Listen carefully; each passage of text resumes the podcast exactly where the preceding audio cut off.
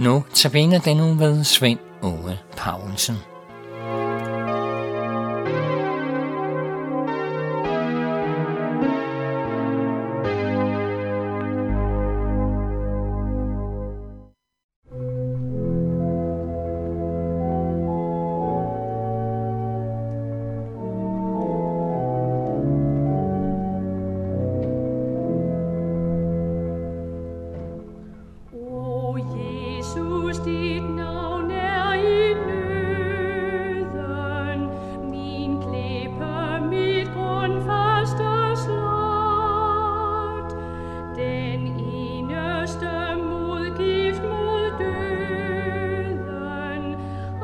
Og vidste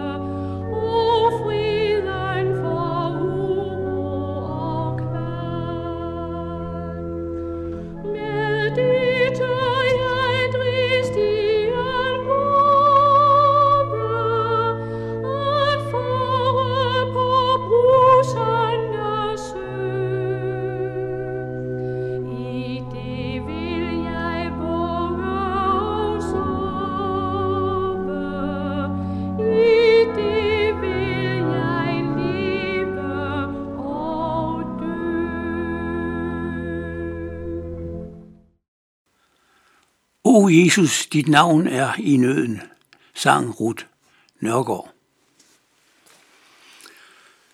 Vi er nået frem til den anden særlige prisning i bjergprædiken. Den prædiken, hvor Jesus jo underviser sine disciple aktuelt om, hvad kvalifikationerne for at komme ind i himmeriget de er. Umiddelbart ville vi jo forvente, at der måtte være nogle yderst krævende forhold, der skal til, som skal bringes i orden for at bringe mig derind i den hellige Guds nærvær. Og lad os se det i øjnene, det er det også. Så krævende, at vi slet ikke selv har nogen mulighed i den retning. Kravet er nemlig, som Jesus afslutter dette kapitel i bjergprækken med, så vær der fuldkommen, som jeres himmelske far er fuldkommen. Det er kravet.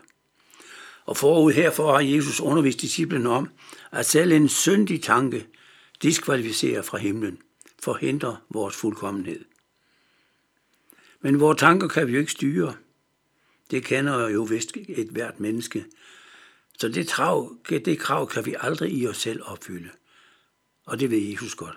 Det er derfor, han her i indledningen til bjergprædiken beskriver, hvorledes en disciple må se på sig selv og, sit, og set i et himmelsløns lys, og i hvilken stemning det må bringe ham eller hende, som vi hørte om det i går, fattig i ånden, det vil sige uformåenhed i forhold til kravet om fuldkommenhed. Og denne uformåenhed må bevirke, som der står i vers 4. Særligt er de, som sørger, for de skal trøstes. Det skal ikke forstås således, at en kristen altid skal gå rundt og se forgræmmet ud, altid en lidt trist stemning, gråden nær. Nej, det er den grund til, og der slet ikke for kristne. Det var mere rimeligt, hvis alle de ikke-kristne var i den stemning. Og det er de jo ikke. De fleste er det ganske udmærket med ikke at være kristen. De kan nemlig leve, som de vil, og gør det. Det er ikke som hængemulerne der, de kristne, som er så bange for at være med til skæg og ballade.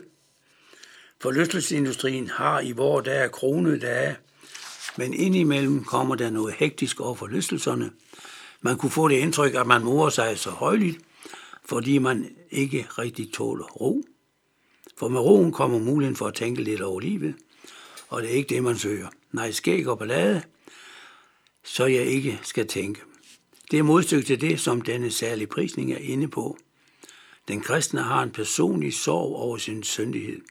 En sand erkendelse af, hvorledes hans eller hendes situation er i forhold til Gud. Så denne særlige prisning her hører nøje sammen med den foregående, hvor netop erkendelsen at disciplens situation i forhold til synd gør ham eller hende magtesløs over for synd. Generelt, for vi er fattige i ånden. Det vil sige, at vi kan intet i os selv.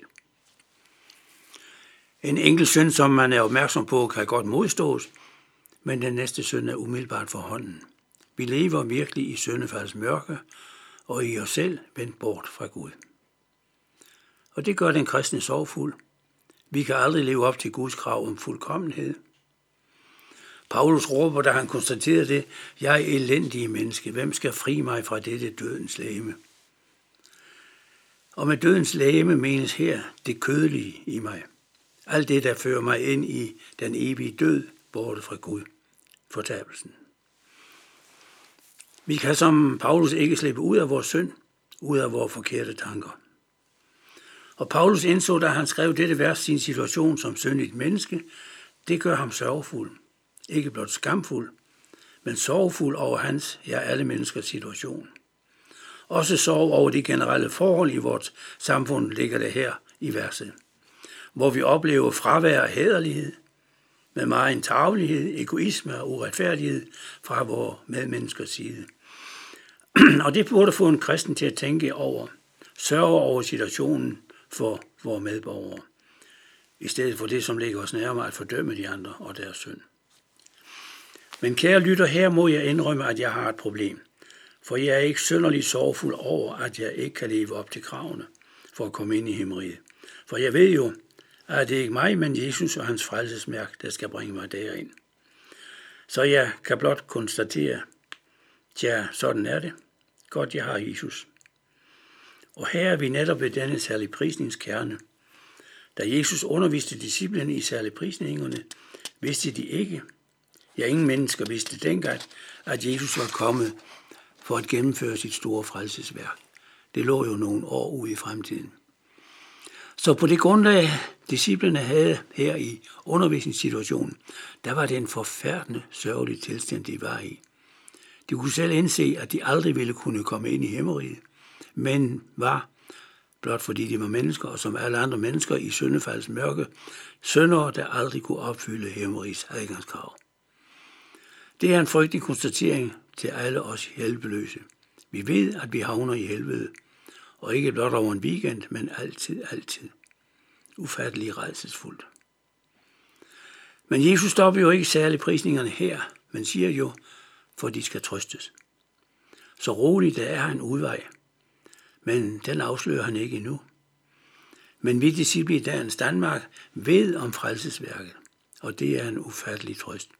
Han døde for os, opfyldte adgangskraven til himmeriget, så vi nu kan komme ind. Fantastisk, at vi har Jesus. Vi fortsætter det i morgen. Og nu synger Skriv dig, Jesus, på mit hjerte, det er primus.